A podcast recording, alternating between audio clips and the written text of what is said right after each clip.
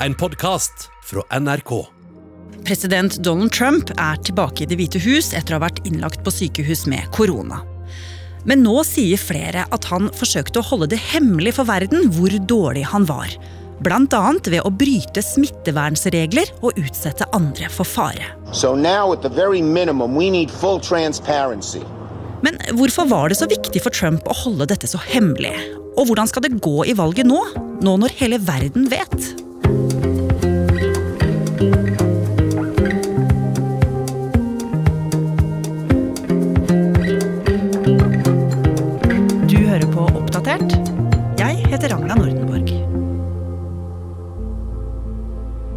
Nobody that's a leader would not do what I did. And I know there's a risk, there's a danger, but that's okay. And now I'm better, and maybe I'm immune. I don't know. Mandag kveld så kom Trump tilbake til Det hvite hus etter å ha vært innlagt på sykehus med korona. Han er fortsatt smittsom og hadde på seg munnbind da han dro fra sykehuset med helikopter. Men idet han kom til Det hvite hus, så, så tok han det av, selv om det var mange andre til stede inne. Tove Bjørgaas er utenriksjournalist her i NRK og kom akkurat hjem fra USA, der hun har dekket det amerikanske valget for podkasten Krig og fred. Ja, Trump sier selv at han føler seg veldig bra, faktisk bedre enn for 20 år siden. Og så sier han at folk ikke trenger å være redde for covid. Ja, og Dette og mye annet har jo naturlig nok fått veldig mye oppmerksomhet, Tove. Altså, Ikke bare er det en uh, liten måned til valget, men mange mener nå Tove, at Trump-administrasjonen har forsøkt å holde sykdommen skjult. Hva er det som indikerer at det er sant? På lørdag så hadde legen hans sin første pressekonferanse. Og der eh, var han veldig vag og forvirrende rundt når presidenten hadde blitt smitta, og om han faktisk hadde vært så sjuk at han hadde fått eh, oksygentilførsel i Det hvite hus før han ble brakt til sykehus. He's not on oxygen right now. That's right.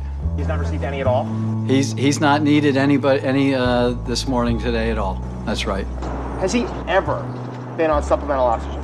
He's he's not on oxygen right now.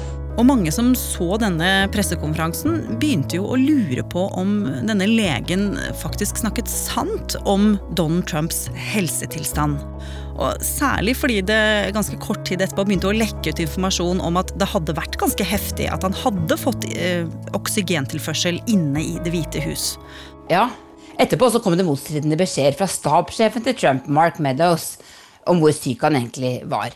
Og i tillegg eh, så har det vært uklarhet rundt flere av Trumps nærmeste medarbeidere som også er smittet, og om Trump skulle ha bedt eh, noen av dem om å holde hemmelig at de hadde testet positivt for korona. Og dette skriver bl.a. Wall Street Journal om, at eh, Trump ba en rådgiver som testet positivt om å ikke fortelle at han var syk. Og hvis det da er sant at han virkelig har forsøkt å holde tilbake informasjon, hva er motivet for det? Dette har på en måte vært en del av Trumps strategi i mange saker etter at han ble president. Han ønsker ikke å lytte til ekspertenes råd, og han har kjempet mot byråkratiet i USA og forsøker å så tvil om, om hvor mye amerikanerne skal, skal stole på f.eks. helsemyndighetene. Så da korona kom til USA, valgte Trump en litt annen strategi enn f.eks. her i Norge. Han ville vise styrke overfor Kina, bygge opp imaget sitt som en motstrømspresident som ikke lar seg sette ut av et virus. Men han ville heller ikke ødelegge økonomien og lot være å stenge ned. Og det endte jo med at alle delstatene måtte lage sin egen koronaplan.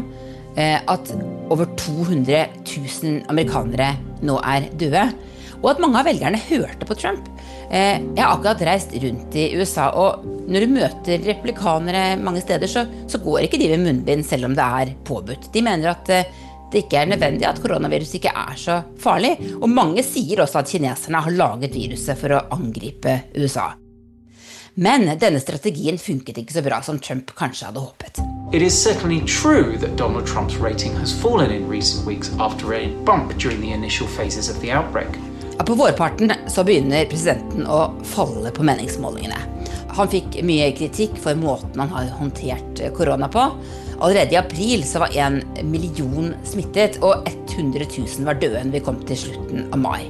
Folk mista jobbene sine, sykehuskapasiteten ble sprengt, og på toppen av det hele så kommer altså Black Lives Matter-protestene. Tusenvis av mennesker gikk ut i gatene for å demonstrere også mot Trump. Overnight, Minneapolis on fire. Protesters leaving an auto parts store in flames. Så koronastrategien har ikke vært noen suksess for ham. Men på tross av alt dette så hadde han tydeligvis ikke tenkt å endre koronastrategi da valgkampen for alvor var i gang. I mean, I mask right mask on, you know, presidentduellen denne uka latterliggjorde Trump bruken av munnbind. I don't wear masks like him. Every time you see him, he's got a mask. He could be speaking 200 feet away from it. He shows up with the biggest mask I've ever seen. Ja, Vi hører jo her hvordan Trump eh, kritiserer Biden for alltid å gå med et kjempestort munnbind. Han mener at eh, motkandidaten hans bruker munnbindet som et slags eh, politisk statement. Ja, Som en rekvisitt i, valgkampen. Også når det er unødvendig å bruke det. Så i mange måneder nå så har Trump valgt å ha en eh, ja, kan jeg kalle det koronaarroganse. Eh, som da også gir resultatet at han selv har vært ganske sloppy med smittevern. Fordi han rett og slett tror det er veldig lurt at han vinner velgere på å være avslappa på korona. Men så får jo faktisk fyren korona selv. Ja, det gjør han. Well, guys, the big news, of course, is that the president and first lady have tested positive for coronavirus. In any other time in history, this would be the craziest story of all time. In the year 2020, it's Friday. På fredag kveld amerikansk tid så ser vi ham komme gående langsomt ut mot helikopteret sitt og bli sendt til sykehuset Walter Reed for behandling. Men dette er jo krise for Trump. Stemmesedlene er allerede sendt ut i de fleste delstatene, og for mye dårlig nytt kan jo selvsagt endre hans posisjon som favoritt hos mange velgere. Særlig hos de velgerne som er enig med Trump om at korona er overdrevet. Han må ta grep. Så ikke lenge etterpå, på søndag allerede, så ser vi jo Trump kjøre rundt med munnbind i en svær bil inne på sykehusområdet mens han vinker til oppmøte fans. And his motorcade just went directly past a gathering of his supporters, President waving to them. A few minutes before this very unexpected appearance, President Trump released a video on Twitter. It's been a very interesting journey. I learned a lot about COVID. I learned it by really going to school. This is the real school. This isn't the let's read the book school. Men det tar ikke lang tid før kritikken hagler. En av legene på sykehuset sier at dette er et farlig politisk teater. Og mange lurer jo på hvorfor Trump tar sjansen på å utføre dette stuntet. Eh, han har rett og slett malt seg opp i et hjørne. Eh, han må virke som en presidentkandidat som er sterk. Han kan ikke være syk, og han er nødt til å forsøke å komme seg hjem til Det hvite hus så raskt som mulig. Og det får han pressa igjennom. I just left Walter Reed Medical Center, and it's really something very special. The doctors, the nurses, the first responders, and I learned so much about coronavirus. And one thing that's for certain don't let it dominate you. Don't be afraid of it. Så nå er jo Donald Trump tilbake i Det hvite hus. Riktignok med døgnkontinuerlig legeovervåkning, men han setter jo friskt i gang med å si at folk ikke skal være redde for covid-19, og at det kanskje ikke er så veldig farlig. Han forsøker å vende tilbake til det opprinnelige budskapet sitt. At eh, koronaviruset er overdrevet, at demokratene overdriver faren. Og nå at han er beviset på at dette går bra, at man blir faktisk ikke så syk. Men folk har jo fått med seg at Trump forsøkte å tone ned sin egen sykdom, og også at smitten var løs i Det hvite hus. Hvordan slår det ut på meningsmålingene nå rett før valget? Meningsmålinger som er tatt opp etter at han ble syk, viser at eh, et flertall av amerikanere mener at presidenten ikke har tatt viruset alvorlig nok.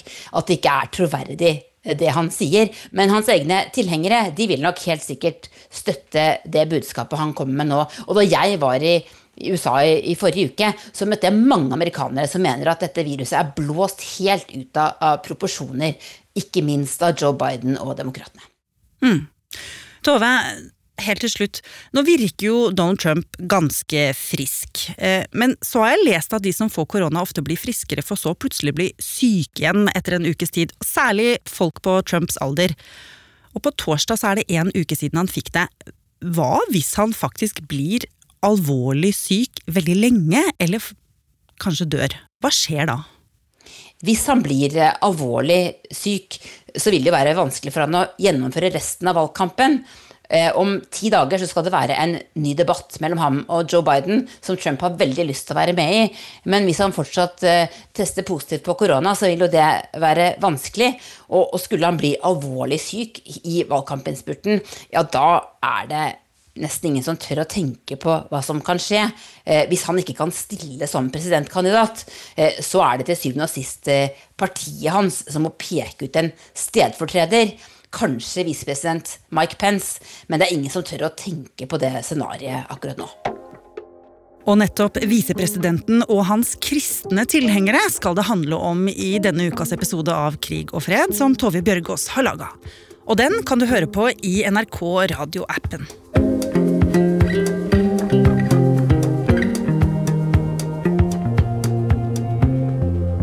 Har du lyst til å bli fast lytter av oss i Oppdatert og få påminnelse om nye episoder, er det bare å trykke på abonner-knappen. Da får du automatisk beskjed når en ny episode er klar. Oppdatert er en podkast fra NRK Nyheter, og vi som jobber her, er Ida Tune Øretsland, Petter Sommer og jeg, Ragna Nordenborg. Vil du kontakte oss, gjør gjerne det på oppdatert alfakrøll nrk.no. Du har hørt en podkast fra NRK. Hør flere podkaster og din favorittkanal i appen NRK Radio.